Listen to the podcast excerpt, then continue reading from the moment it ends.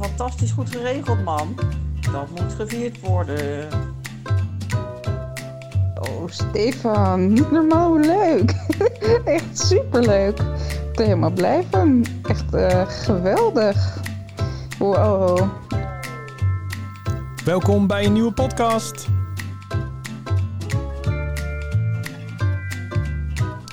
Ja, hallo uh, lieve mensen, daar zijn we weer. Uh, op dit moment vanuit een hele mooie locatie in uh, Amersfoort. En uh, tegenover mij heb ik zitten Adrienne van den Bos. Hallo, welkom. Hallo. Ja, um, normaal gesproken begin ik eigenlijk altijd met waar ik je van ken. Um, maar ja, die voorgeschiedenis hebben wij niet heel erg, zeg maar. Um, dus ik ga eventjes um, uh, zeggen, zeg maar, wat je doet uh, in, in, in mijn visie, zeg maar. En dan gaan we daar lekker uh, verder over praten. Naar mijn idee heb ik jou, het had het er net al heel eventjes over, ik kon het niet meer terug herleiden, hebben we elkaar online gevonden. En jij doet Um, dingen met mensen die hoogbegaafd zijn. ja. Als je zegt dingen, dan, uh, dan gaan er, komen er heel veel rare invullingen misschien wel aan. Ja, uh, ja, ja. Dat, dat, is inderdaad ook wel waar. Ja, nee, jij, um, waarom, waarom jij mij toen de tijd zo aansprak, is dat um, de term hoogbegaafdheid heeft uh, voor mij altijd uh, dat jochie met dat brilletje op in het hoekje in zijn boek gedoken. Met een, uh, een IQ wat meestal dan vastgesteld wordt boven een bepaalde waarde. Iets van 135 of zo geloof ik. 130 officieel. Oké, okay, 130. Ja. En um, dat is het. Meer niet. En jouw kennis reikt een heel stuk verder. En vind ik persoonlijk zelf veel meer kloppend bij um, de mensen die ook hoogbegaafd kunnen zijn. Ja. En um, het mooie ervan is, vind ik zelf ook, dat jij, je hebt jouw uh, site en jouw bedrijf heet natuurlijk Gifted People. Ja. En dat zegt eigenlijk al meer als hoogbegaafd. Ja. Dus um, ja, wat ik um, dus erg leuk vind om met jou samen de diepte, de diepte in te duiken, om te kijken van ja, wanneer kan je nou iemand, zeg maar, um, aan iemand zien dat hij eventueel wel hoogbegaafd zou kunnen zijn? En ten tweede, wat dan ook verschillen zijn met uh, dingen die er soms best wel op elkaar lijken. Hm? En ook um, hoe mensen misschien wel eens zijn gekomen aan die vooroordelen van uh, hoogbegaafdheid. Het is alleen maar dat brilletje op in het hoekje en uh, voor de rest niks anders als dat. Ja. Dus um, nou, misschien uh, zeg even wie jij bent en wat je doet uh, en wat het precies verder inhoudt. Ja, de dingen die ik doe. Ja, de, ja precies. Dus uh, nou, ga je gang. Ja, nou, ik ben Adrienne en ik ben eigenaar van Gifted People. En voor mij een van de belangrijkste redenen dat ik ben begonnen met wat ik doe, is omdat ik er rond de 20ste levensjaar achter kwam ik ben hoopgaafd. En ik had daarvoor ook het idee, ja, het zijn alleen maar super slimme mensen die als ze iets aanraken, dan verandert in goud. En halen alleen maar hoogcijfers. En dacht ik, ja, dat is niet helemaal wat, wat ik ben, wie ik ben. En doordat ik mijn eigen ontdekkingstocht van hoopgaafdheid volgde, kwam ik erachter dat het zoveel meer was. Maar dat er zo weinig eigenlijk over bekend was. Dus ik voelde me heel geroepen om daar meer mee te doen. En ik heb toen ook een ontwikkelomgeving voor hoopbegaafde jongeren mede ontwikkeld. En daarin leerde ik pas echt wat hoopbegaafdheid was. Want je ziet jongeren vanuit ja, alle perspectieven die ook hoopbegaafd zijn. Maar ook allemaal anders hoopbegaafd zijn. Ja. En daar, dat maakt ook het lastige dat hoopbegaafd één woord. Maar het is zoveel meer dan dat je in één woord kan vangen. Dus wat ik doe door middel van Gifted People is mensen helpen die zich herkennen in hoopbegaafdheid. Van wat betekent het nou voor jou? Dus waar herken je in? Welke invloed heeft dat op je? En wat betekent het dan voor jouw levensinvulling? En ook om andere mensen te laten weten, het is zoveel meer dan alleen dat stickertje, je hebt een bovengemiddelde intelligentie. Ja. Want ook als je dat wel hebt, is dat niet het eerste waar je je vaak in herkent. Je hebt heel vaak van andere mensen gehoord, je bent te druk. Uh, je bent te bemoeierig, te bedweterig. Uh, jij, kan het, jij weet ook altijd alles beter, je maakt alles zo moeilijk. En dat zijn de dingen die je vaak hoort. Je hoort nooit, jij bent de slimste van de klas. Tenminste, je hoort het af en toe, maar uh, dat is niet het enige wat hoopbegaafdheid is. En ik probeer heel erg die diversiteit te laten zien. Dat je niet alle vakjes hoeft, vakjes hoeft af te vinken. Maar dat je af en toe ook kunt zien van... hé, hey, dit zijn de kenmerken waar ik mij in herken. En dat is dus relevant voor mij. Ja. En dat is, dat is vooral de boodschap die ik wil uitdragen. Dat je vooral gaat ontdekken wat betekent het voor jou. En dat je daarmee jouw eigen gift gaat onderzoeken. Zodat je die in de wereld kan zetten. Ja. Nou, je, stipt inderdaad gelijk al een paar dingen aan. Wat ik uh, in het, in het uh, net zei, even bedoelde. Met um, dat er heel veel dingen vaak uh, een ander stempeltje overheen wordt gezet. Een ander Ja. labeltje. Ik zie bijvoorbeeld heel veel mensen die um, geclassificeerd worden als bijvoorbeeld ADHD. Ja, Um, en mensen die dus ADD, volgens mij, dat is dat je echt uh, superveel energie hebt. Ja, je hebt het verschil met ADHD en ADD. En de ene is met hyperactiviteit. Dat is Ja. ADHD. Oh ja, dat is ADHD. En volgens mij is ADD was... Ja, dat is eigenlijk hetzelfde, maar dan zonder die Oh hyperactiviteit. ja, ja, precies. En, maar heel veel mensen die worden dus eigenlijk als ze hoogbegaafd zijn onder dat stempeltje gedaan. Omdat ze A, eh, heel veel energie hebben. Ja. Ze hebben ehm, heel veel spirit om dingen te willen doen, te willen ondernemen en zo. Ehm, en wat ik zelf dan eh, zie, is die mensen worden eigenlijk nooit herkend in hetgeen wat zij doen. Ja. En eh, dat is ook eh, wat ik net al zei, wat, waarom het me zo aansprak wat jij doet. En je zegt het net hier in, in ook al. Maar toch zie je overal continu maar dat er ehm, altijd wordt geweest van ja, dat kan je allemaal wel zeggen en doen en leuk. Eerst die Q-test. ja. Ja, wat, wat, wat vind jij daarvan? Nou ja, wat een van de dingen die ik eigenlijk heel vaak tegen mensen zeg, is dat een IQ-test is een momentopname. Dus eh, als jij slecht geslapen hebt, of je hebt faalangst, of je denkt zo anders dat je elke keer naar vraagt, en ja, maar wat wil je nou van me weten? Ja, dan komt daar niet de uitslag uit die het zou kunnen zijn. Dus er zijn heel veel mensen die zich laten testen, en dan blijkt uit zo'n test, oh, je bent niet hoopgaafd, maar ze zijn nog steeds hoopgaafd. Dus zo'n test kan soms wel fijn zijn om te bevestigen, maar als het er niet uitkomt, betekent dat niet per se dat er geen sprake van is. Dus ik vind het soms dat het eerder af kan leiden, als dat het je daadwerkelijk een stap verder helpt. Dus het is iets wat voor sommige mensen heel belangrijk is en wat ik ook nooit per se zou afraden. Maar ik zou eerder aanraden om te zeggen: ga onderzoeken waar jij je herkent en ga daarmee aan de slag. Want dat helpt je veel meer dan dat je uiteindelijk een briefje krijgt waarop staat: oh, dit is dan de score die uit zo'n test is gekomen. Ja. ja, je ziet inderdaad dat mensen dan daarna, zeg maar, ehm, als ze dan wel die hoge score hebben gehad, dat ze dan in één keer wel anders behandeld worden. Ja, Ehm, vaak daarin heb ik ook weer gehoord dat mensen in bepaalde stof krijgen die dan waarvan je ook denkt van gast, dit heeft echt helemaal niks te maken met hoogbegaafdheid. Dit is niet zoals iemand werkt. ja. Ehm, ja, het, het, ik, ja ik, ik vind het. ehm, ik zie het steeds vaker om me heen. Ik ga het steeds vaker herkennen, ook eh, naar aanleiding van jouw, eh, jouw cursus en zo. Ehm, ja, ik vind het heel verwarrend. Het is Ja. gewoon, eh, en zeker voor de kinderen die erin zitten, en voornamelijk kinderen, want als je wat ouder bent, dan weet je wel zeg maar een soort van weg er doorheen te slaan. Het, het is alsnog echt eh, eh, lijden in plaats van echt leven. Het is soms een beetje een oerwoud aan informatie waar je doorheen moet. En wat eh, heel belangrijk is, is dat je heel dicht bij jezelf blijft. En als je merkt van, ik ga zo'n IQ-test doen zodat ik het kan bewijzen, Ja, dan doe je het eigenlijk meer voor jezelf als voor andere mensen. Want op het moment dat jij voelt, ja, maar ik herken me hierin, dat gaat over mij, en jij straalt dat uit, dan gaan mensen ook niet meer, of tenminste veel minder aan jou vragen, ja, maar waar is dan dat bewijs? ja, Want jij kunt vertellen, ik herken me hierin, en daarom eh, denk ik dit, of daarom doe ik zo. ja. En wat ook heel belangrijk is, is dat we kunnen eindeloos labeltjes plakken. Maar of het nou een label hoopgaafdheid is of een label paars is, het gaat er veel meer om wat betekent het voor jou. En je hoeft aan niemand uit te leggen, ik ben bezig met dit onderzoek, want ik herken me erin. Oh, waar is dan je bewijs? Nee, ik ben hiermee bezig omdat het relevant is voor mij. Ja. En dat is ook een stukje het vertrouwen hebben in jezelf. Dit is belangrijk voor mij. En ongeacht wat andere mensen daarvan vinden, ga ik hiermee verder. Ja. ja, ik denk dat dat inderdaad een hele, hele goede is. Omdat ja, je laat je natuurlijk heel gauw van de wijs brengen door, door de Ja. gedachten van andere mensen. En je ziet heel erg dat eh, op het moment dat je het uit, dan eh, gaan mensen jaloers zijn. Van, eh, eh, hoezo? Weet je, Ja, eh, ik zat in de klas naast jou en... zo eh, slim ben je helemaal niet. Zo slim ben je helemaal niet, nee. Ja. Eh, dat zie je inderdaad heel vaak. Maar heb je enig idee waar dat misschien vandaan komt? Nou, dat komt voort uit die misvattingen die er zijn over hoopbegaafdheid. hè. Ah. Dus als je nadenkt over eh, wat is hoopbegaafdheid voor mij en wat denken mensen dat hoopbegaafdheid is, zit vaak een heel groot verschil tussen. Ja. Dus wat ik ook heel vaak zeg tegen de mensen die mijn Insta-programma volgen, is als je vertelt over hoopbegaafdheid, vertel dan niet alleen ik ben hoopbegaafd, want voor mensen zegt dat niks. Wat betekent het dan? Oh, het betekent dat ik soms anders denk of dat ik eh, soms dingen anders zie, dat ik soms wat sneller denk, dat ik soms eh, wat sneller overprikkeld raak of dat ik juist wat meer prikkeling nodig heb. Dus het woord alleen is niet voldoende om uit te leggen wat het is. Dus het is juist ook heel belangrijk dat je die twee samen doet. Want op het moment dat je dat gaat uitleggen, dan valt dat stukje jaloezie ook wel weer weg. Want dan denken ze niet dat jij dat zegt omdat jij jezelf beter vindt, of omdat jij jezelf slimmer vindt, of omdat jij eh, veel succesvoller hoort te zijn. Zij voelen veel meer van, oh maar wacht even, dit is waar het over gaat bij jou. En jij gebruikt dit, zodat wij beter met elkaar om kunnen gaan. Ja, ja precies. Zijn er ook nog ehm, verschillende types in hoogbegaafdheid? Nou ja, onder hoopgaaf zijn heel veel, is heel veel diversiteit. Ja. Dus als je twee hoopgaafden naast elkaar zet en je vraagt wat zijn de verschillen en wat zijn de overeenkomsten, dan kunnen ze aan allebei een lijst aanleveren. Dus het is ook daarin heel belangrijk dat we niet zeggen hoopbegaafdheid is één ding of hoopbegaafdheid vertegenwoordigt één persoon, maar dat we een aantal kenmerken hebben. En ik noem dat anders, intens en snel, waar we ons allemaal in herkennen. Mhm. Maar bij de een is eh, het ene kenmerk meer aanwezig of eh, is dat veel eh, dominanter. En bij de ander komt het op deze manier tot uiting. Dus het is heel belangrijk ook daarin dat we niet zeggen, oh je bent hoopgaaf, dus ben je dit. Maar veel meer over, dit brengt een pakketje met zich mee. En in dat pakketje kun je ook weer variatie aanbrengen. Ja.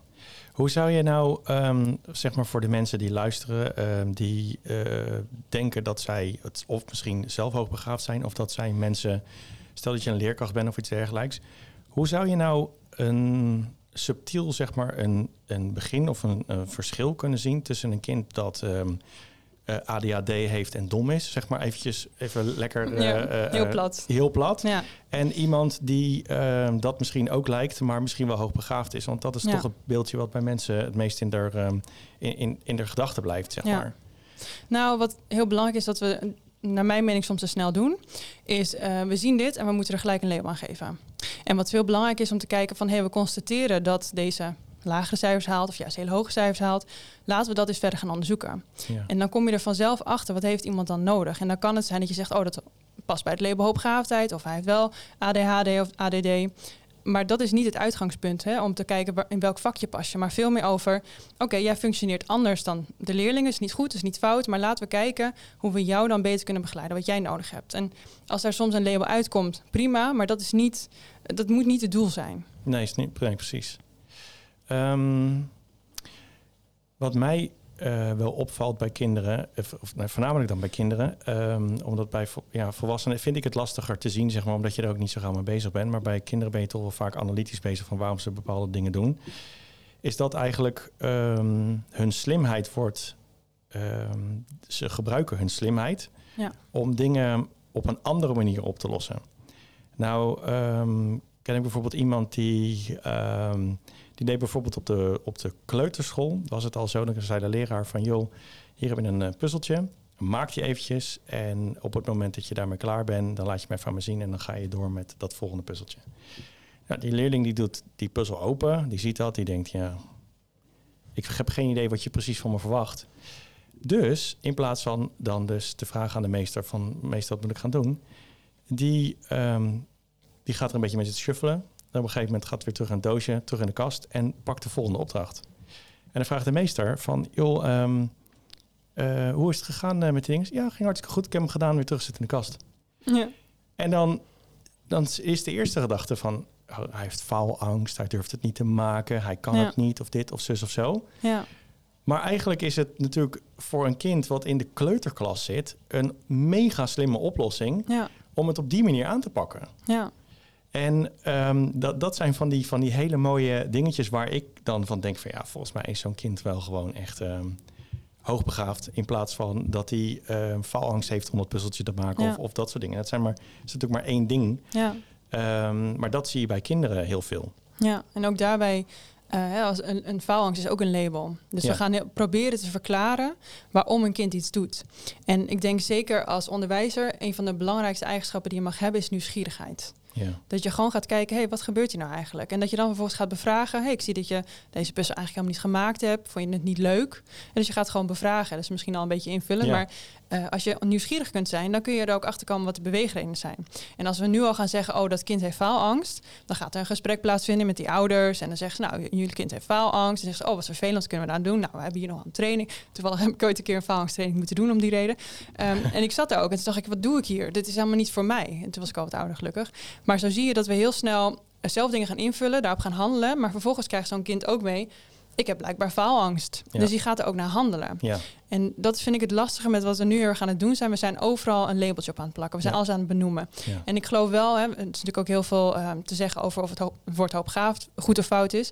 Dat is het woord dat we nu hebben gekozen. En vanuit daar kunnen we wel meer begrijpbaar maken wat het dan precies is. Maar het is niet zo simpel als ik geef dat label aan iemand en dan is het opgelost. Dan is het verklaarbaar gemaakt. Net als dat hoopgaafdheid, en je zei net ook even, soms is het meer lijden dan leven. ja. Dat is niet door hoopgaafdheid, maar dat is wel omdat je soms niet goed weet hoe jij zelf functioneert en wat jouw blauwdruk is.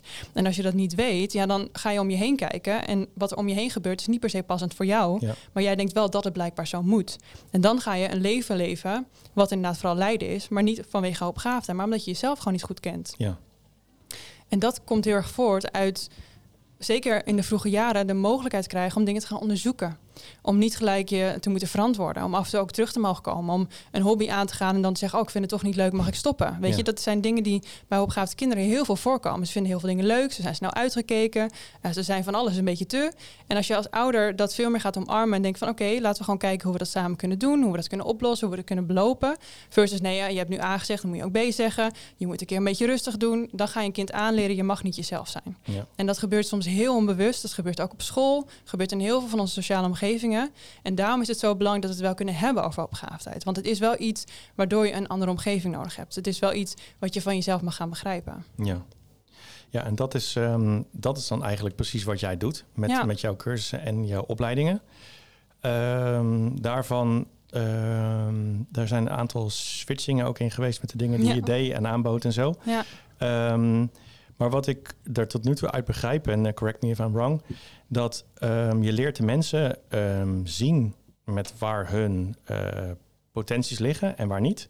En daar ehm, dan op de juiste manier mee om te gaan. En in principe focust het zich dan niet zozeer op van jij bent wel of, of niet hoogbegaafd. Maar jij hebt een, eh, een gift. En daarmee leer jij die mensen op de juiste manier om te gaan. En ook met van ja, daar ligt jouw gift niet. ja, Eh, want ja, die ligt gewoon daar. ja, om daar dan ook mee om te gaan dat die daar niet ligt. Ja, Om zichzelf niet te vergelijken eh, met een standaard mens. ja. Kan je iets meer vertellen over de cursussen die je aanbiedt en hoe dat werkt? Ja, op dit moment bied ik aan eh, het Insight-programma. Dat is een jaarprogramma. En dat richt zich heel erg op de blauwdruk. En de blauwdruk gaat over jezelf leren kennen. Want uiteindelijk kun je de meest fantastische gift hebben. Maar als jij niet weet hoe jij bedraad bent, wat jouw blauwdruk is, ja, dan kun je nooit die gift gaan benutten. Dus de stap, stap 1 is dat je jezelf leert kennen. Dat je weet wat betekent hoopgaafde, wat betekent het voor mij, wat betekent het eigenlijk voor mijn leven wat ik wil. En dus wat vind ik leuk, waar ga ik op aan. En vanuit daar kun je op een gegeven moment een basis creëren waardoor je die gift kunt gaan benutten. Maar daar zit wel heel veel voorwerk nog. Dus ik merk bij Insta dat heel veel van de mensen die instappen zich heel lang hebben aangepast. Of eigenlijk pas net erachter zijn gekomen dat ze hoopbegaafd zijn. Of nog heel erg twijfelen over hoopbegaafden, maar wel voelen... er ligt hier een stukje van de oplossing voor mij. En die help ik eigenlijk dat stukje zelfonderzoek door te lopen... zodat ze zichzelf beter kunnen leren kennen. En door de community, door de meetups... help ik ze ook om gelijkgestemden te ontmoeten. Hm. En ik merk dat dat misschien wel een van de meest waardevolle onderdelen is... omdat je er dan achter komt, ik ben niet de enige. Er zijn meer mensen die denken zoals dat ik denk. En in dit gesprek word ik niet de hele tijd gevraagd of ik even wat langzamer kan praten. Of ik even wat rustiger kan doen. Ja. Of ik het nog een keertje kan uitleggen. Ja. Of ik misschien eh, even niet zo druk kan zijn. En dat merk ik dat dat heel waardevol is. Dat mensen andere mensen gaan ontmoeten waar ze een soort klik mee hebben die ze nooit ergens anders hebben kunnen ervaren. Omdat ze altijd door een omgeving zijn gezegd, je moet je aanpassen. Ja. Je moet meedoen met ons. Want dit is de weg. Dit is de juiste weg. Dus dat merk ik dat die twee samen heel waardevol zijn. Ik geloof ook heel erg dat zelfonderzoek in je alleentijd mag. Want juist als je heel goed bent in aanvoelen, als je heel goed bent in oh, welk antwoord heeft die ander van mij nodig, dan ga je ook in het proces van wat wil ik heel erg kijken, wat wil de rest dat ik zou willen. Dus het is heel waardevol om echt die alleentijd voor jezelf te pakken en om daarin met jezelf aan de slag te gaan. Wat wil ik nou echt? En dan zul je merken dat eerst vragen of antwoorden op tafel komen die denkt te moeten. Mhm. En dan op een gegeven moment merk je, ja, maar hier word ik eigenlijk ook niet zo warm van. En dan ga je steeds weer laagjes dieper. En als je dat helder hebt, wie ben ik, wat vind ik leuk, wat wil ik en wat zijn dan mijn volgende stappen, dan kun je langzaam die stappen gaan zetten, of soms heel snel, want we zijn natuurlijk heel snel als hoogbegaafden. Kun je die stappen gaan zetten naar, maar wat heb ik dan te doen? Ja. En hoe ga ik dat dan doen op een manier die ook op mijn voorwaarden is? Dus niet zoals de wereld wil dat ik het doe, maar wat is mijn pad? En soms ga ik dat pad nog zelf maken, maar ik ga wel mijn pad belopen. En dat is echt die combinatie van zelfonderzoek en een omgeving die jou begrijpt en die heel positief is en enthousiast is over jouw plannen. In plaats van mensen die zeggen, ja, dat is onrealistisch, dat kan helemaal niet. Hoe ga je dat dan doen? Dus echt die omgeving opzoeken die jou daarin ondersteunt. Ja, en dat is een community die je dus ook nog hebt. Dus dat zit in het Insta-programma. Oké. Ja. En is dat, blijft dat daarna ook nog eh, doorwerken? Eh, er is een alumni community, eh, com- community. Zo, dat was Ja. wel een leuk trouwens. Dat ga ik misschien houden. Dat wordt misschien een nieuw programma. Nee, maar dat is een eh, alumni community voor mensen die Inzet hebben doorlopen. Dus Ja. mensen kunnen ook verlengen als ze lid willen blijven. Ja. En binnen Inzet zijn er vier live meetups op dit moment en een online community. En ik merk dat voor sommige mensen het online gedeelte heel fijn is, omdat het ook ja, wat soms wat makkelijker voelt om dingen te delen, om een stuk herkenning te vinden. En dat die meetup, toevallig hebben we de laatste nog weer eentje gehad. Dan merk ik dat er ook iets magisch gebeurt. Dat mensen die komen voor de eerste keer, die zijn super, die vinden het hartstikke spannend, die zijn een beetje verlegen. Ja. En dan zeg ik, nou, eh, ga lekker een plekje zoeken. En dan draai ik me om. En vijf minuten later zitten ze met iedereen te praten alsof ze hier al jaren komen. Ja. En dat vind ik heel bijzonder wat er gebeurt als je met gelijkgestemden bent. En dat probeer ik ook heel erg te faciliteren. ja, dat is inderdaad eh, wel heel erg fijn. Het is natuurlijk pas op dat moment dat je echt ehm, met andere mensen komt die allemaal hetzelfde zijn. En Ja. dan vervolgens eh, denkt van, oh oké, ik twijfel er nog ergens aan. En Ja, die mensen zijn allemaal zoals ik. ja, Ehm, natuurlijk wel verschillend in, in, eh, in, in, in de gaves en zo, maar wel Ja. ehm, wat je net al zei over dat eh, snel praten en zo. ja. Er zitten inderdaad hele mooie dingetjes bij ehm, eh, en, en, en tools, zeg maar, voor mensen die, eh, die hoogbegaafd zijn, maar het niet weten, die dus daar al lang gebruik van maakt en dan erachter komen van, wow, oké, dit hoort Ja. er dus inderdaad ook bij. ja. Ja, dat is wel, ehm, Het is wel grappig, want daar moest ik net ook aan denken, eh, wat jij zei over die professoren. ja, Eh, als ik nieuwe mensen toelaat bij Insight, dan vermeld ik ook altijd als je naar een meetup komt, denk dan niet dat je daar hooggeleerden aantreft die allemaal een brilletje hebben en eh, een lange jas aan hebben en die, on, en die omtrek van de zon aan het berekenen zijn. Want dat is nog steeds ook wel mensen die instappen in Insight, zijn, hebben soms ook een beetje de angst, oh hier hoor ik dan misschien ook niet thuis. Dus het is ook zelfs dan nog, als je herkent een hoop gaafheid, heel belangrijk om je te omringen in omgevingen met mensen die jou ook weer laten zien wat wel is. ja, precies. Ja. Ja, het is inderdaad niet eh, dat je die mensen tegen gaat. Ja, waarschijnlijk ook wel, maar eh, eh, je moet het inderdaad afwijken van die, Ja. die, standaard gedachte over dat het inderdaad alleen maar professoren en zo zijn die op die manier in elkaar zitten. Ja, Maar ja, toch, ehm, want daar blijft natuurlijk de, de moeilijkheidsgraad altijd in zitten. Voor mezelf ook. Ehm, sowieso he- het stigma. En waarom denk je dat er zo moeilijk over wordt gedaan überhaupt? Waarom ehm, kunnen we niet zomaar gewoon tegen mensen zeggen van ja, hij is hoogbegaafd of, of wat dan ook. En kijk maar naar die kenmerken. Dus hij heeft even dit of dat nodig. Waarom is Ja. dat in jouw ogen dan continu dat gezeik? Nou, ik denk dat er nog steeds heel veel mensen zijn die eh, voelen als jij hoogbegaafd bent, dan ben jij beter. Dan Ja. weet jij het beter, dan kun je meer. En dan is het bijna alsof je een soort hiërarchie gaat plaatsen in je relatie. En dat is voor een ander soms heel intimiderend. Dus op het moment dat jij niet begint per se met ik ben hoogbegaafd, maar veel meer over hey, ik ben een zelfonderzoek aan het belopen en ik merk dat ik daar heel veel dingen van mezelf in herken. Je laat misschien dingen lezen of ja, je benoemt bepaalde dingen.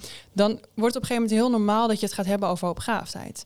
Alleen als jij tegen iemand zegt, hè, wat ik natuurlijk net ook al even aanhaalde, ik ben hoogbegaafd en je loopt daarna weg, dan heeft hij anders Ja. het gevoel van, oh jij probeert jezelf boven mij te plaatsen. Ja. Dus dan is het ook heel logisch dat mensen daarop gaan reageren. En ik geloof dat onze, eh, onze grootste rol nu als hoopgaafde, en ook in mijn geval, is mensen vertellen wat het wel is. En dat het dus niet gaat om hoger of beter, maar over anders. En Ja. niet in een negatieve zin van, hey, oh jij bent anders, dus je doet niet mee. Maar veel meer over, hey, wat fijn dat jij anders bent. Want doordat jij anders bent, doe jij dingen anders en kan ik ook weer dingen anders doen. En de tweede groep die ik op dit moment aanbied is voor hoopgaafde ondernemers. En we hadden het er vandaag ook over, je hebt onderhouders en je hebt ontwikkelaars. En hoopgaaf zijn vaak de ontwikkelaars. Die denken anders, die zien kansen, die zien mogelijkheden die voor andere mensen nog niet zichtbaar zijn. Ja.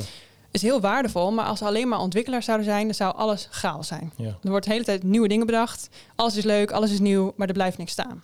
Dus die onderhouders hebben we ook nodig. En dat zijn de mensen die heel goed zijn in dingen houden zoals ze zijn. Die vinden het heel moeilijk als ze dingen gaan veranderen. Vinden ze helemaal niet leuk. Dit is gewoon, dit is mijn werk al tien jaar. Ik weet wat ik moet doen. Ik weet wat er van me wordt verwacht. Ik vind het hartstikke leuk. Die twee samen zorgen ervoor dat we als samenleving ook steeds voortbewegen. Hm. Dus als wij juist elkaar de mogelijkheid geven om anders te zijn, dan kunnen we ook altijd onze eigen gaven het beste benutten. En dan ook met elkaar het meeste gebruik van maken. Ja, ja dat, is, eh, dat is inderdaad super mooi verwoord. Eh jemig. Je moet even bijkomen. ik moet even Nee, bijkomen. neem Dus even wat water. super, super veel informatie inderdaad Ja. die, die nu weer toe, eh, tot me toe komt. En het mooie is ook met een record tempo en ik hou er al Ja. van. Mensen zeggen heel vaak tegen mij: Jij bent de eerste waarbij ik de video niet op anderhalve snelheid hoef te zetten. Ja, nou, de, de- ik heb dus een, eh, die andere podcast van jou gezien en die staat eh, volgens mij ook op YouTube ergens. Ja. En ehm, na die podcast dacht ik dat inderdaad ook. Ik denk, oh, wacht even.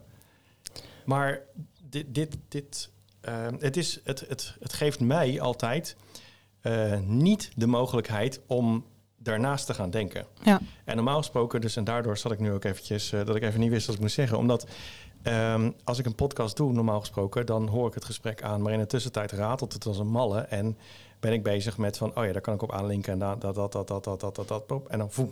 Ja. Maar nu ehm, komt er gewoon een, een, een, een vloed aan informatie in één keer terug. En daar, daar luister ik naar en dat verwerk ik. En dan eh, lig ik er even af. Ja. Maar ehm, ja, ja ehm, even denken hoor.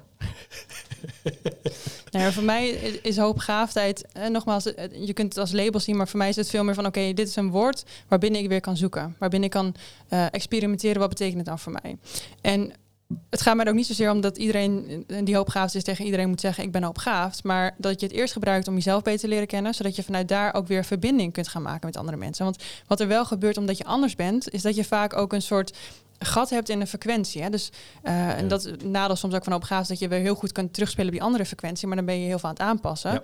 Maar het is wel heel belangrijk dat je weet van oké, ik zit anders in elkaar, ik heb iets anders nodig. En ik kan er zelf voor kiezen wanneer ik die andere frequentie opzoek en wanneer ik dat niet doe. Hmm. In plaats van dat het automatisch gaat, dat ik me altijd aan het aanpassen ben, dat ik altijd mezelf aan het verliezen ben. En op het moment dat je dat weet, dan kun je daarmee spelen en dan kun je ook heel dicht bij jezelf blijven. En dat is uiteindelijk de waarde dat je het weet, want je hebt soms echt iets anders nodig. En dat je daarop kunt handelen en dat je op basis daarvan zelf kiest wanneer je weer die verbinding aangaat. En niet, ik ben anders, dus ik ga in mijn eigen bubbel leven met alleen maar gelijkgestemden, want daar word je ook niet gelukkig van. Maar dat je wel weet van, oké, ik heb soms wel een andere omgeving nodig. En ik kan soms juist met jou die verbinding opzoeken, ook al ben je anders, ook al ben je niet gelijkgestemd, omdat ik jou wel een heel leuk persoon vind en ik wil graag die relatie met jou houden. Ja. Ja, daar schuilt. Um, ik, ik, herken heel goed uh, wat je daarin zegt. Um, maar je, de, het, het, het, aanpassingsvermogen is natuurlijk iets wat, uh, wat hoogbegaafden doen vanaf de kleuterklas, denk ik al. Al heel vroeg, ja. Ja, heel vroeg. Continu maar bezig zijn met van, oh, dit wordt van me, van me gevraagd. En die gaan schakelen en die reageren anders en die gaan er zo in. En dat is wat hun geleerd wordt om op die manier om te gaan met een bepaalde situatie. Ja. Um, en daar zit, uh, naar mijn idee, en ook in, in heel veel dingen die ik natuurlijk van jou heb gelezen, ook met school en zo. Um, het issue in de eerste paar jaar is het veel te simpel. En dan doe je niks. En dan ga je met trucjes, ga je allemaal dingen doen. En op een gegeven moment vergeet je om te leren leren. Ja. En uh, ik herken dat gewoon met een aantal mensen om me heen. Die, die weten echt niet hoe ze moeten leren uh, leren. Ja. Dus uh, vervolgens komen ze in een traject terecht waarbij natuurlijk het niveau daalt als een, als een, als een baksteen. Uh, dan kom je dus weer bij andere mensen in de klas die vervolgens niet meer voldoen aan hetgeen wat jij eigenlijk ook nodig hebt. Dus die snelheid, die dynamiek, de diepgang. Ja.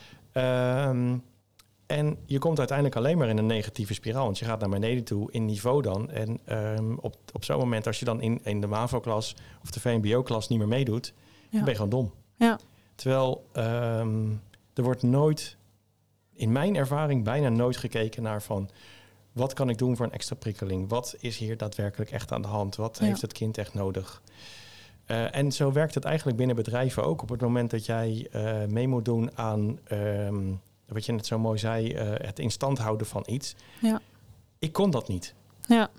Ik werd knettergek. Ja. Als ik gewoon moet doen wat we 30 jaar geleden ook al deden, dat, dat, dat gaat er bij mij niet in. Ja. En dan, ja, nou, als je dat dan niet kan, weet je, dan ben je dom. Maar je wordt nooit gevraagd omdat je geen uh, HAVO, VWO of zo hebt afgerond, om mee te gaan in de ontwikkeling of in, de, in het vooruitzicht van, van het bedrijf of de organisatie. Ja. En er zijn maar heel weinig mensen of bedrijven die daar wel in meewerken. Die denken, hé, hey, die gozer die kan veel meer, ik zie die dingen doen of die pakt dingen op, bla bla bla. Ja. Um, daar gaan we wat mee doen. Dus ook dat is heel zwaar. En daardoor in, inderdaad uh, uh, heb ik ook heel veel gehad aan het programma van jou. omdat je daarin even weer voor terugzet. Uh, dat blijft dan wel hangen. Maar uh, na verloop van tijd zit je ook weer in een bepaalde modus en dwaal je weer af en ga je weer doen wat er van je verwacht wordt om te gaan doen. Um, het is ook heel belangrijk dat niks is een, een, een quick fix of een eenmalige oplossing. Nee. En het is um, zeker als het om gaat om omgeving heel belangrijk dat je regelmatig afvraagt: zit ik nog in de juiste omgeving? En wat je net ook zei, hè, als jij in een bedrijf zit waar je 30 jaar hetzelfde moet doen, ja, dan gaat jouw gift zich laten zien van nee, nee, hier zitten wij niet op onze plek. Dus ja. je gaat heel veel weerstand geven en je gaat heel ongelukkig worden, je gaat een burn-out of een bore-out krijgen. En dat zijn eigenlijk allemaal signalen die zeggen: ja, jouw gift die wordt gewoon niet ingezet. Dus jouw lichaam en jouw geest gaan daarop reageren, want die willen jou eigenlijk die juiste beweging insturen. En wat wij vaak doen, is te kijken om ons heen, maar wat is dan de bedoeling? En dat is voor heel veel hoopgaafden juist precies niet de bedoeling. Dus het is ook een stukje weer op jezelf vertrouwen, wat jij denkt dat klopt voor jou. En ook een beetje loslaten aan wat we als samenleving geloven dat succesvol is. Want succesvol is niet, tenminste niet in mijn geloof, uh, dat je heel hoog in de boom komt bij een bedrijf. Heb ik vroeger ook wel eens gedacht. Nou, daar was ik heel snel wel vanaf gestapt dat dat niet mijn, uh, mijn missie was. Dus, dus, op een gegeven moment kom je erachter dat er heel veel overtuigingen in je leven, die we allemaal als samenleving hebben geïntegreerd. En die ga je onderzoeken. En dan denk je, wacht even, hier sta ik eigenlijk helemaal niet achter. Dus ik ga het gewoon niet meer doen. En dat proces mag je steeds weer blijven herhalen. En daar word je ook steeds beter en juist door ermee bezig te gaan. Maar het is wel het aankijken van waarom doe ik nu eigenlijk wat ik doe? Oh, ik doe dat omdat ik denk dat dat van mij verwacht wordt. Maar wat nou als ik dat niet zou doen? Wat zou ik dan gaan doen? En zo ga je steeds weer dat andere pad vormgeven. Alleen dat heeft heel veel vertrouwen in jezelf nodig. Het heeft ook een omgeving nodig die Um, ja, waarbij jij ook het gevoel hebt van hey, die steunen mij die begrijpen dat en die vragen niet de hele tijd waarom doe je niet gewoon met ons mee. Dus dat zijn allemaal factoren waar je regelmatig naar je leven mag kijken. Ben ik de dingen aan het doen die voor mij kloppen? En heb ik de mensen om me heen die mij daarin stimuleren? Ja. En dat betekent niet als je merkt, er zijn mensen die dat niet vinden of die wel vragen, hoe ga je dat dan doen? Of het onrealistisch vindt dat je daar afscheid van moet nemen. Maar dat je wel altijd daarnaast een omgeving hebt die zegt, oh wat cool, wat vet, wat gaaf en wat leuk dat je dat gaat doen. En die, ehm, eh, die balans, die mag je continu in je leven weer even testen. Klopt dat nog voor mij? Ja, precies.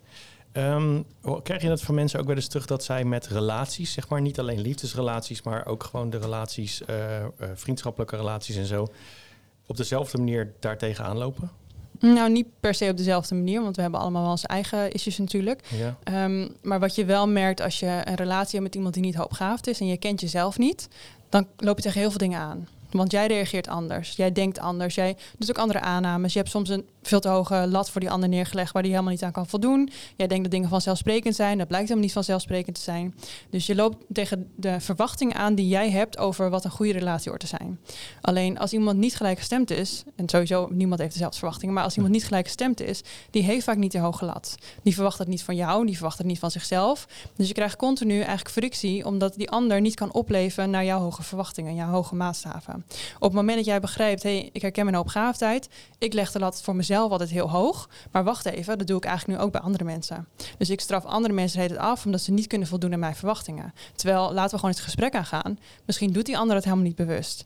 Misschien is het voor die ander helemaal niet vanzelfsprekend. Dus ook dat stukje zelfkennis helpt weer om het gesprek aan te gaan. En om niet mensen heel snel weer aan de kant te zetten van, nou ja, dan werkt het dus blijkbaar niet. Dus het is ook samen het onderzoek aangaan hoe bouwen we een goede relatie op. Of het nou vriendschappelijk is of op liefdesgebied is. Maar dat je ook een, een, bepaalde frequentie met elkaar kunt opzoeken. En dat je met elkaar in gesprek kunt gaan over wat je allebei belangrijk vindt. Dat je niet zomaar verwacht wat jij belangrijk vindt, dat vindt die ander ook belangrijk. Ja, precies. Ik denk inderdaad dat wel de kern is zeg maar, waar, het, uh, waar het om draait. Als je gewoon contact gaat met mensen, in je, of het nou je werkgever is, je partner of, uh, of vrienden of, of wat dan ook. En ik denk uh, precies wat je ook zegt, dat je altijd de mogelijkheid hebt om eventjes naar een bepaalde frequentie te gaan. Om daar wel mee te socializen, omdat dat op dat moment gewoon even fijn of, of afleiding of wat dan ook is. Of eventjes het verstand op nul. Ja. Um, als je nu zeg maar dit zit te luisteren en je, je hebt geen idee of je nou wel of niet uh, hoogbegaafdheid zou kunnen zijn. Um, wat denk jij dat je zou moeten doen? Zeg maar, van, nou, hoe zou je bij jezelf daar te, te, te, erachter kunnen komen dat het wel of niet is? En dat bedoel ik eigenlijk niet zozeer om uh, van, ja, ik heb weer het labeltje. Ja. Maar om te denken van, ja, um, hier moet ik iets mee gaan doen, want ik voel me op deze manier uh, kloten. Ja. Um, en ik heb van alles al geprobeerd. Ik heb inderdaad al een, een burn-out gehad, wat uiteindelijk misschien wel gewoon een bore-out blijkt te zijn. Um, wat zijn nou dingen waarvan je zegt, nou dat zijn wel echt dingen waarvan mensen moeten zeggen van nou misschien moet ik nu wel eens wat verder onderzoek gaan doen dan het reguleren en misschien wel eens gewoon eventjes uh, met jou contact op gaan nemen om te kijken of dat de manier is die hun gaat helpen. Ja. Nou, ik verwijs mensen sowieso altijd naar mijn gratis e-book, want daar staat al heel veel in over opgaafdheid. Oké. En je zult wel merken dat daar staan dingen in die voor jou heel logisch zijn, uh, waarvan ik ook heel vaak terugkrijg van niet hoogbegaafd, nee, daar ken ik me niet in. Dus het is heel waardevol om dat voor jezelf te gaan doorlezen en om te kijken van, hé, hey, hoe resoneert dat met mij? En dat mag ook de start zijn van je onderzoek. Dus het is niet na het lezen van het e-book denk je, ik ben het wel of ik ben het niet. Nee. Maar veel meer over, hey, ik vind hier genoeg erkenning in, waardoor het interessant is voor mij om dat onderzoek verder vervolg te gaan geven. En sommige mensen komen er heel snel achter, nee, dit gaat echt over mij en ik ben all in. Ik ga helemaal uitzoeken wat het voor mij betekent. En sommige mensen hebben wat meer bronnen nodig, hebben wat meer ervaringen nodig, wat meer dingen nodig om uh, voor zichzelf te kunnen bepalen, ja, hier ga ik een volgende stap in zetten. Maar het belangrijkste is altijd dat onderzoek. Zonder per se nogal te willen, ik moet dit zijn of ik moet dat zijn. Maar veel meer over, oké, ik ga gewoon kijken waar ik me herken. En dat ga ik gewoon even laten borrelen, laten berusten. En vanuit daar ga ik weer kijken, wat wil ik daar dan mee? Het belangrijkste is altijd dat je continu, of je nou opgaat bent of niet, bezig blijft met jezelf beter leren kennen. Mhm. Want hoe beter jij jezelf kent, hoe makkelijker dingen in je leven worden. Want je gaat ook veel makkelijker zijn over wat past bij jou, wat niet past bij jou, wat jouw pad is, wat niet jouw pad is. En op basis daarvan gaan dingen in je leven ook veel makkelijker meebewegen. Ja. Als je nu um, Ehm, k- kan je een aantal op, eh, kenmerken noemen van, van mensen die ehm, van wat echt past bij de kenmerken van hoogbegaafdheid? Want je zei het zijn er vijf. Nee, ik zeg altijd, er zijn drie hoofdkenmerken. Oh. Anders, intens en snel. Ja. En anders gaat heel erg over hoe je de wereld ervaart. Dus je hebt vaak het gevoel dat je een soort alien bent in de wereld. Dat jij dingen altijd wel weer anders ziet. Dat mensen heel vaak zeggen, je moet rechts. En jij denkt, nee, volgens mij moeten we hier links. En je hebt ook vaak het gevoel, als je bijvoorbeeld in groepen bent... dat iedereen het heel goed met elkaar kan vinden. Maar dat jij er net niet helemaal bij hoort. En Mhm. jij voelt dat heel sterk. Soms voelen andere mensen dat ook. Ehm, dus het gaat heel erg over anders tegen de wereld aankijken. eh, op een andere manier met dingen omgaan. Daardoor ook andere dingen zien die andere mensen niet zien. En daardoor soms ook het gevoel hebben dat je heel erg alleen bent. En natuurlijk voelen we ons allemaal wel een beetje anders, maar vaak is het behoopgaafd. Dus dat een heel diep besef van anders zijn. Oké. Ik hoor niet in deze wereld thuis, ik hoor niet in deze tijd thuis, ik hoor niet in dit land thuis. Dus het gaat best wel diep, dat besef. Oké. Het tweede kenmerk intens gaat ook over hoe je de wereld waarneemt en vooral met welke intensiteit. Dus je kunt bijvoorbeeld in een kamer heel veel dingen tegelijk waarnemen waar andere mensen heel veel dingen niet waarnemen. Dus de kans dat je overprikkeld raakt is ook wat groter. Eh, tegelijkertijd heb je ook meer behoefte aan bepaalde prikkels. Dus er zit vaak ook een eh, balans tussen onderprikkeling en overprikkeling die je heel goed in de gaten moet houden. En dat je ook heel vaak een beetje te wordt genoemd. Hè? Dus eh, te druk, te bedweterig, te perfectionistisch, te moeilijk, te gevoelig. Nou, gewoon alle Te- tussen die ja, je maar kunt ja, ja. Eh, dus je hoort vaak ook wel van andere mensen dat je een beetje intens bent. Wat we vaak ook gaan doen, dan dat we denken, oh dat mag blijkbaar niet. En dan gaan we onszelf de rem zetten. Dat is ook heel vermoeiend. Ja. Dus heel veel burn-outs komen ook voort omdat we een onderdeel van onszelf niet proberen te laten zien. Of eigenlijk onderdrukken eigenlijk. Ja. En het kenmerk snel gaat enerzijds over een stukje voorlopen in je ontwikkeling. Dus je bent inderdaad sneller. Dus eh, je hebt sneller eh, dingen in de vingers. Je loopt vaak ook al verder voor op je leeftijdsgenoten in schooldingen. Maar ook bijvoorbeeld in lopen of in praten of in lezen. En het gaat over dat je sneller denkt. Mhm. En daar zie ik vaak de misvatting tussen snel denken en snel uiten. Mhm. Want snel denken betekent niet dat je ook snel met een antwoord komt. Want als je vaak in je hoofd snel verschillende processen aan het doen bent, dan duurt het soms juist langer voordat je met een antwoord komt. Maar het gaat er wel over dat je snel processen eh, in je hoofd doet, dat je snel verbanden kunt leggen, dat je vaak ook vanuit heel veel verschillende disciplines kunt kijken, dingen bij elkaar kunt brengen en ook al sneller ziet wat is er nodig, wat zijn de oplossingen, wat zijn de kansen en daardoor ook heel vaak stappen voorloopt op andere mensen. Ja. En dat is volgens mij waarom je dus eh, als een hoogbegaafde een, een eenvoudige vraag gesteld wordt, de vraag niet begrijpt. ja. Omdat je dan rekening mee gaan houden met heel veel dingen waarvan je geen informatie hebt gekregen. ja. Ehm, wat jij mee wil nemen in je antwoord, Ja. maar waar totaal niet om gevraagd wordt. Ja. Ehm, ja, die heb ik inderdaad ook al heel vaak gehoord. En Ja. Je ziet vaak inderdaad dat hoe moeilijker of hoe makkelijker de vraag, hoe moeilijker het wordt voor iemand die opgaafd is. Want die denkt de hele tijd, nou, maar zo makkelijk kan het toch niet zijn? Dus dan zie je inderdaad dat er vaak meer fouten worden gemaakt als iets te makkelijk is. En hoe moeilijker het wordt, hoe leuker het vaak ook wordt. En dus ook hoe meer concentratie erop zit, hoe meer focus erop zit, hoe meer energie erop zit. En ook hoe groter de kans dat het dan wel goed gaat. ja. Staan eh hoogbegaafden ook bekend om dingen niet afmaken? Zeg maar wel starten. Dus omdat je net zei van zijn ontwikkelaars. Het is iemand, mensen Ja. die dingen starten. Ja, Eh, maar dat het dan niet per se helemaal tot op het einde wordt gedaan. ja. En het is, ik zou niet per se zeggen dat alle hoopgaafden Nee, nee, niet nee. kunnen afmaken. Maar je ziet vaak dat er, een, ik zeg vaak, er zijn drie fases. Je hebt eh, iets opstarten, Ja. en je hebt iets onderhouden en je hebt iets afronden. En hoopgaaf zijn vaak de starters. Dus die kunnen heel goed dingen in beweging zetten. Die zien vaak kansen en mogelijkheden. Die hebben altijd leuke ideeën. Die kunnen heel goed ontwikkelen. Die zijn iets minder goed in onderhouden en afronden. Maar dat betekent niet dat ze het niet kunnen. Nee. Als iets heel erg belangrijk is voor jou. Als jij voelt, nou, ik wil mijn gift inzetten. En daarvoor heb ik al die drie fases nodig. Dan zul je merken dat het ook een stuk makkelijker wordt. Alleen juist omdat je ook het soms nodig hebt om geprikkeld te worden. Heb je het ook nodig om heel veel verschillende dingen aan te pakken en aan te grijpen. En de grootste valkuil dan is dat we denken, alles wat we doen moeten we afmaken. En dan ga je op een gegeven moment als, als ook het, ja, het enthousiasme en het plezier verliezen en nieuwe dingen opstarten.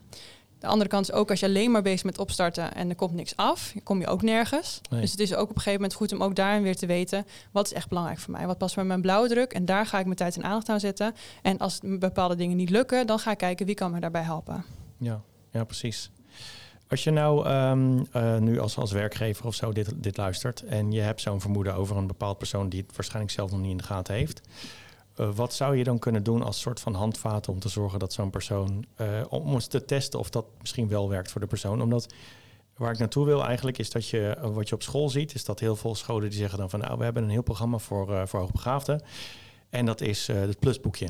Ja. Dus je hebt eerst eh 15 sommen gemaakt die je vanaf som 1 al snapte. Dus je vraagt je af waar die andere 10 voor zijn. Ehm, en dan zeggen ze, nou, dan doen we er nog 40 bij van dezelfde sommen. Ja, Terwijl dat heeft helemaal niks te maken met hoogbegaafdheid. ja. Hoe zou je dan dus, als jij personeel hebt ehm, kunnen zeggen van joh, hoe kan ik zo'n persoon nou wel stimuleren? Wat kan ik dan doen in plaats van de werkdruk eigenlijk verhogen? Ja. Nou, uh, eventjes nog uh, misschien wat meer naar de kern toe. Ja. Um, wat heel belangrijk is, wat we nog te veel doen, vind ik in ieder geval, dat we zelf dingen gaan invullen. Oh, jij bent slimmer, dus we gaan jou meer werk geven. In Ja. plaats van, hey, ik zie dat je dit heel makkelijk kan. Eh, wat vind je leuk om te doen? Hè? Wat, eh, zullen we het moeilijker voor je maken? Of wil je ergens anders mee bezig gaan? Dus we vullen heel snel dingen in van wat wij denken dat iemand nodig heeft. In plaats van, laten we het gesprek aangaan. Dus laat ik jou gewoon eens vragen wat je wil. En laten we dingen gaan proberen. Dus dat is voor jongeren al zo. Maar met volwassenen natuurlijk nog een stuk makkelijker. Want dan kun je juist vragen, hey, ik zie dat jij eh, je werk heel snel doet. Je bent vaak in de middag al klaar. Zou je het leuk vinden om daar nog iets bij te doen? En als jij vermoedt dat iemand hoogbegaafd is en die persoon weet het waarschijnlijk van zichzelf niet, of misschien wel, maar heeft het nog niet gezegd, is het juist heel waardevol om iemand wel die kant al op te helpen. Door te Ja. zeggen van hé, hey, ja, misschien is het niks, maar misschien is het interessant voor je om eventjes hier te gaan kijken. Want ik herken bepaalde dingen van jou. En misschien beantwoordt ook of, geeft het je heel veel inzicht in jezelf. En als je dat herkent, dan kunnen we misschien samen kijken wat jou qua werk nog eh, misschien weer meer mogelijkheden geeft. Dus het is heel belangrijk om dat proces te faciliteren en niet al van tevoren te zeggen, eh, zullen we jou meer werk geven of eh, zullen we jou een andere functie geven? Want dat is niet altijd de, de passende oplossing. Nee, precies. Ja, dat is een, inderdaad een hele andere insteek. Ehm, ja, en ehm, even denken. Bij jongere kinderen, wat zou je nou adviseren om daarmee te doen? Mensen die een, eh, een opvang hebben of zo. Ehm, daarbij wordt natuurlijk ook altijd van, nou ja, oké, we hebben nog de mogelijkheid om met die kinderen te spelen en om, het, om, om dingen spelenderwijs te doen. Heb je daar nog tips voor wat die mensen zouden kunnen doen bij zo'n zo'n zo'n kind? In plaats van, ja, die, zijn, die worden natuurlijk op een gegeven moment ook gewoon super irritant. Eh, omdat ze niks te doen hebben. Ja, En het gewone eh, kinderspul, eh, het, het, het spelen, dat hebben ze wel gedaan. eh, Ja. in, in alle eh 400.000 eh, verschillende varianten. ja, dus ja, en dan, dan duurt het natuurlijk ook vier jaar voordat je echt naar school toe mag en dat het wat anders mag. En vaak als je daar aankomt, loop je ook alweer ehm voor en krijg je dus daar weer het gezeik dat je nergens in past. Ja. Ehm, Maar als je nou, om, om vroeg te beginnen, stel nou dat je hebt een, je hebt een hoog, eh, hoogbegaafd kind thuis zitten, waarvan je niet zoiets hebt van, joh, ik wil hem in de molen laten meelopen op dit moment, testen of wat dan ook. Hoe, hoe zou je daar nou zelf thuis mee om kunnen gaan? Eh, om te zorgen dat het kind met, met hele simpele dingen al, ehm, al krijgt waar, wat het nodig heeft. Maar ook dat je daarbij kan testen van, joh, ik moet inderdaad echt een andere kant op gaan. Ja, nou, wat ik in ieder geval heel veel heb gezien bij kinderen, bij jongeren, is dat ze heel automatisch bewegen naar wat ze graag willen doen. Dus soms is het juist ook de kunst om je er even niet mee te bemoeien en gewoon te kijken wat iemand gaat doen. Toen ik eh, nog bij Spirare werkte, hadden we heel veel jongeren die gameden. En daar kun je heel veel dingen van vinden. En bij sommigen, eh, misschien ging het ook dat ze iets te veel aan het gamen waren. Maar het is wel heel interessant om te onderzoeken, wat ben je dan precies aan het doen in zo'n spelletje? Eh, welke rol vervul je? Wat vind je dan blijkbaar interessant? Want als je dat weet, dan kun je ook weer mensen verleiden om ook weer andere dingen met je te gaan doen. Dus op het moment dat je vooral gaat observeren, wat doet iemand van nature? Waar trekt iemand naartoe? Kun je op basis daarvan ook kijken, hey, hoe kunnen we dat misschien meer faciliteren? is thuis iets makkelijker als op school. Want ik geloof niet dat elke eh, school eh, de mogelijkheid heeft om dat helemaal te faciliteren bij een Mhm. kind. Maar je kunt wel als ouder zijn en daar in ieder geval een rol in spelen. En als school zijn, als je merkt, hey, iemand is vervelend aan het doen. Dan is dat vaak een stukje verveling of een stukje ik word niet gezien, dus ik vraag om aandacht. Dus dat kind zegt eigenlijk, hey, ik heb iets van jou nodig, kun je mij helpen? En op het moment dat je het op die manier gaat zien, in plaats van dat je gaat afstraffen, oh, dan moet je uit de klas, dan krijg je strafwerk, dan eh, wordt iedereen boos op je. Dan kom je er nooit achter wat er nou onder ligt. Dus op het moment dat je dat gedrag eigenlijk ziet als, hé, hey, jij hebt iets nodig van mij en hoe kan ik jou helpen? En soms door wel het gesprek aan te gaan als dat al kan, of soms te kijken van, hé, hey, maar als ik tegen deze persoon of deze, dit kind zeg van, waar heb je dan zin in en ga dat lekker doen, om vervolgens te observeren, dat geeft je veel meer antwoorden. Maar wat we heel snel doen, wat we, ja, we hebben in de samenleving zijn we eigenlijk steeds krapper aan het worden in wat we goed vinden en wat mag en Ja. wat, eh, ja, wat we tolereren. De hokjes worden steeds kleiner. Ja, precies. Dus ook zeker hoopgaafden gaan er heel snel uitvallen. Er zijn altijd de eerste die uitvallen in systemen. En op het moment dat je dan gaat zeggen, oh jij bent eh, slecht, jij doet niet meer mee, je krijgt straf. Ja, dan kom je er nooit achter wat die volgende generatie nodig heeft. Terwijl zij eigenlijk aangeven, ik pas niet meer in dit systeem, kun je mij helpen? Ja. Want als je voor, dit, voor deze mensen een nieuw systeem kunt gaan maken, op kleine schaal dan, dan kun je uiteindelijk voor alle mensen die daarna ook komen, heb je al het voorbereidend werk gedaan. En dat is een beetje ook de vloekende gaaf van Hoop Gaaf. Die loopt als eerste tegen muurtjes aan. Ja. Maar daardoor heb je wel de mogelijkheid om weer nieuwe dingen te gaan creëren. Waar iedereen die achter jou aankomt ook weer gebruik van kan maken. Ja, ik heb een keer zo'n eh, zo'n fotootje gezien online van eh, iemand met zo'n hele grote eh, rol, rode tapijt, zeg maar. Ja, Die staat dat ding af te rollen. ja, En dat is een hoogbegaafde, want daarna komen zeg maar alle mensen die er lekker overheen gaan lopen. Die zeggen, kijk, ik loop over de rode loper heen. ja, Maar daar heeft wel iemand hem in eerste instantie een keer neergelegd. ja. Ehm, ja, dat is inderdaad wel een interessante.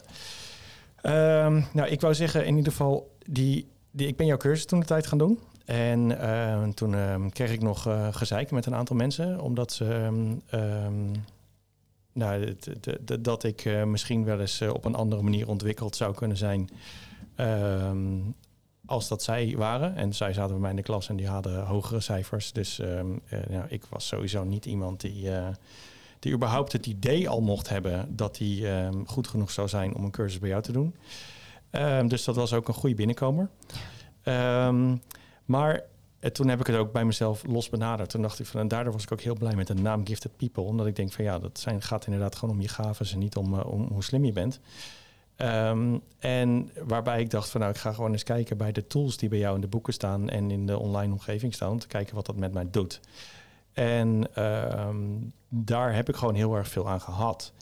En eh, bijvoorbeeld eh, wat we net al zeiden van eh, als je een YouTube filmpje kijkt of een podcast, om het gewoon op anderhalve snelheid te doen. Dat zal bij deze podcast niet nodig zijn, denk ik. ik denk dat je misschien de meeste mensen nu naar, naar driekwart van de snelheid gaan.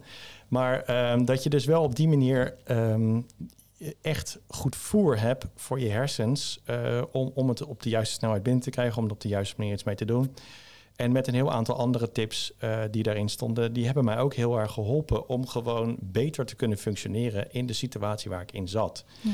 Ehm, en daarin kwam ik dus ook echt achter het verschil tussen de burn-out zeg maar, en de bore-out. ja. En ehm, kreeg ik voor mezelf ook ineens. ehm, eh, werd het duidelijk waarom ik op een gegeven moment ook echt een keer eh, eh, explodeer. ja. Omdat het dan gewoon te veel is. Dus Ja. gewoon, en dan niet in overprikkeling of zo, maar gewoon het is klaar. Het is Ja. je continu aanpassen, het continu verder in dat hokje proppen, dat, dat past er gewoon niet. En dan klapt het. En Maar die grens ligt ook weer heel laat.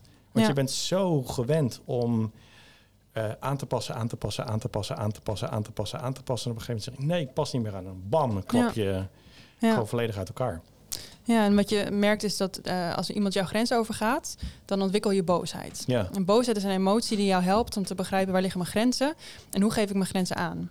En als jij niet weet dat dat kan, of als je het gevoel hebt van hé, ik moet me niet zo aanstellen, of ik begrijp wel waarom die ander het doet, dan hou je die boosheid bij jezelf. Ja. Nou, dan gaat nog iemand over jouw grenzen heen, dan word je nog meer boos. En op een Mhm. gegeven moment gaat het om naar woede en soms gaat het zelfs door naar agressiviteit. Dus dat zijn allemaal opgestapelde emoties.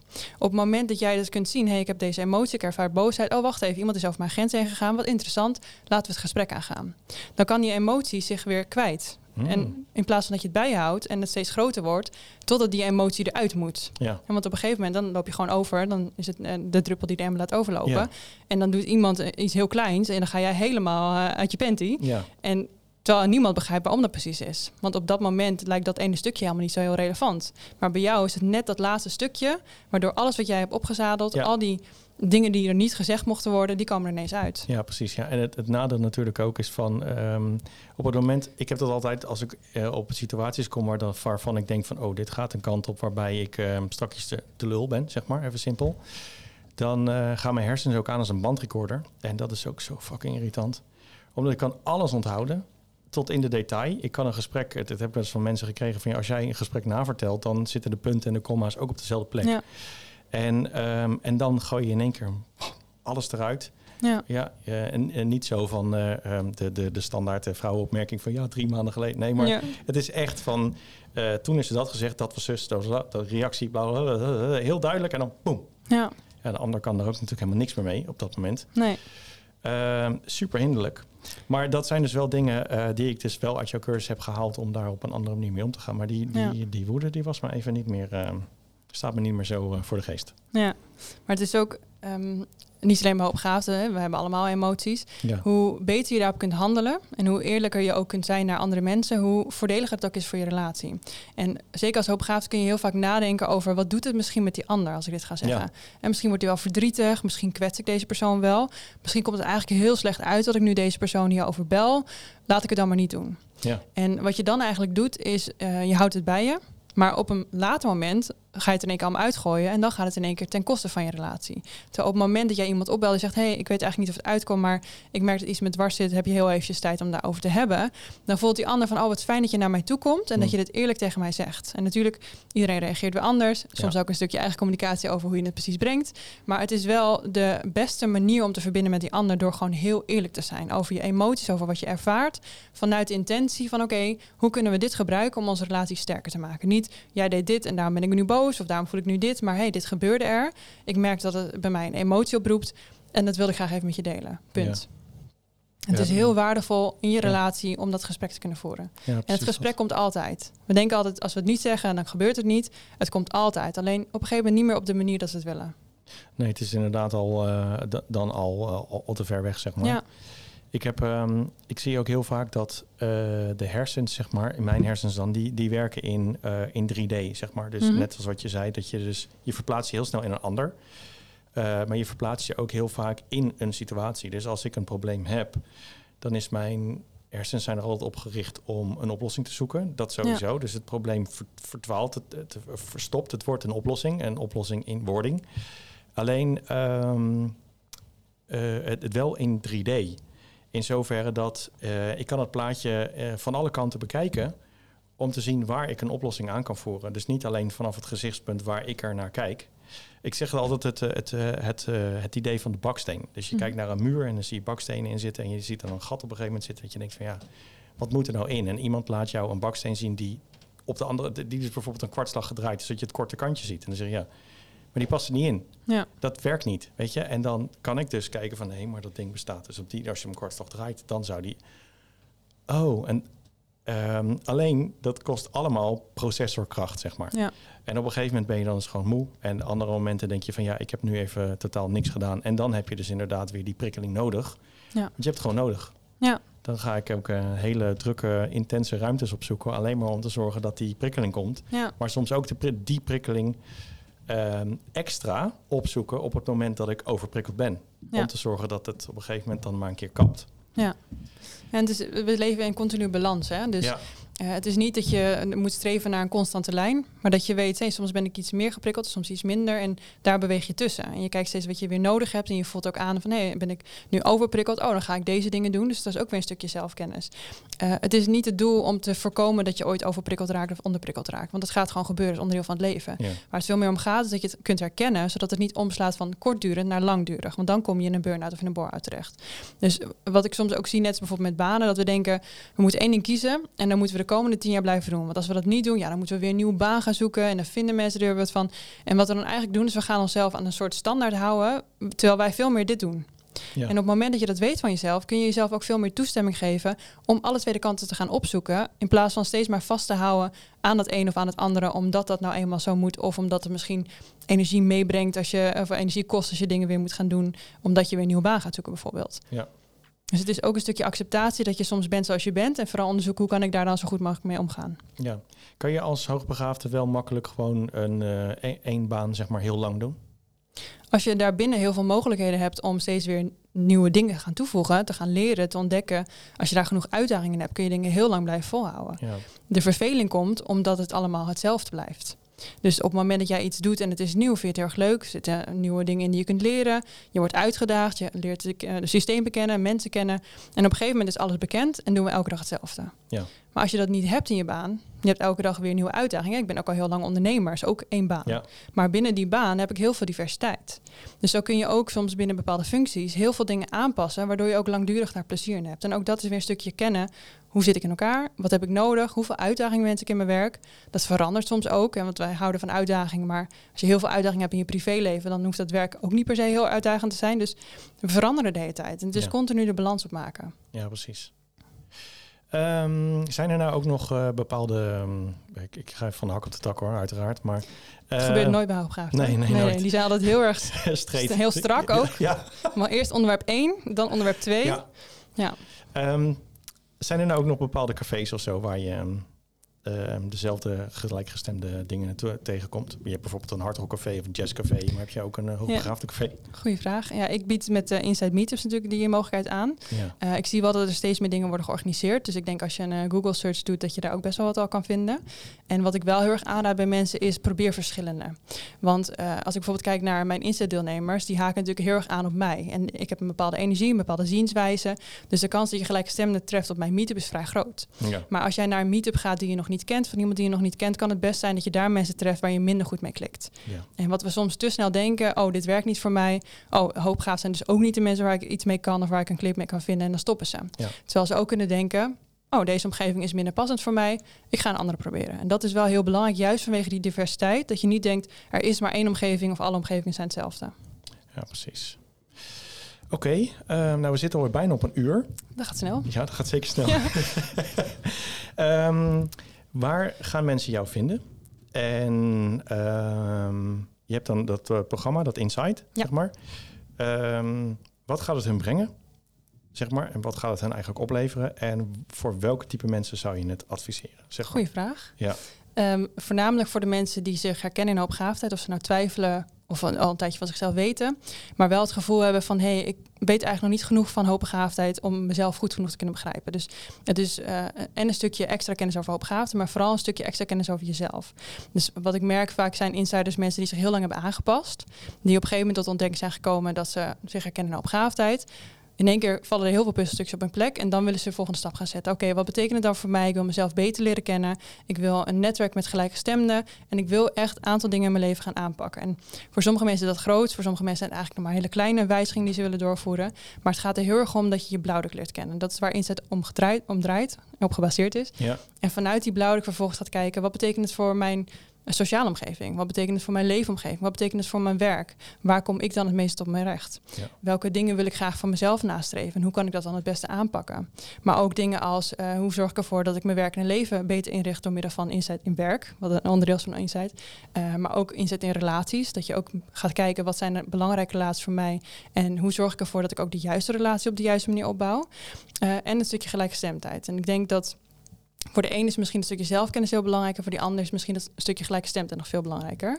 Dus ik merk dat de manier waarop mensen in het programma bewegen heel divers is. Wat natuurlijk ook weer logisch is.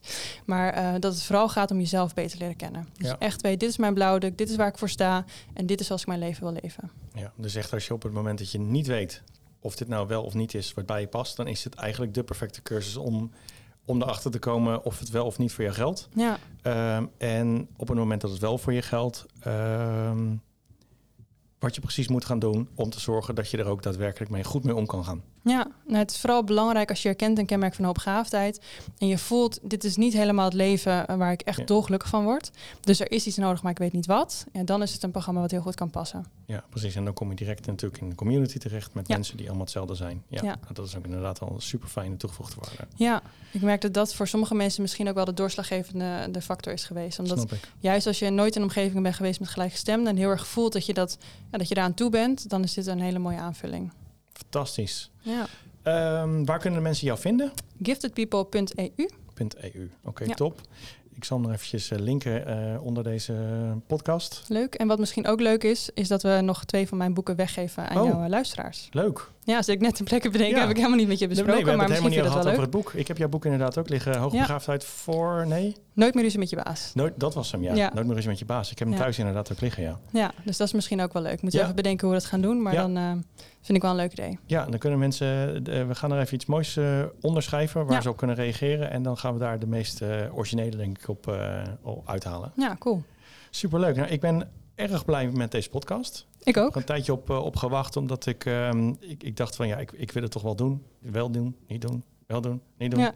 Dat dus. Hè, ja, je hebt een beetje nagedacht over wat ik er misschien van zou vinden. Ja. en wat andere mensen ervan zouden gaan vinden. Ja. Nee, dat herken ik helemaal niet. Nee, nee, dat dacht ik. nee, ik vond het heel erg leuk dat je me hebt gevraagd. Ja, super. Ja, nee, ik ben echt. Eh, nou, misschien komen er heel veel vragen uit voort eh, waarvan we zeggen van nou. Eh, misschien in de toekomst dat we nog iets aanvullends doen. Ja. Maar laten we dat eventjes er zien gebeuren. Je weet het vinden. Ja, zeker weten. Ja. Oké. Okay.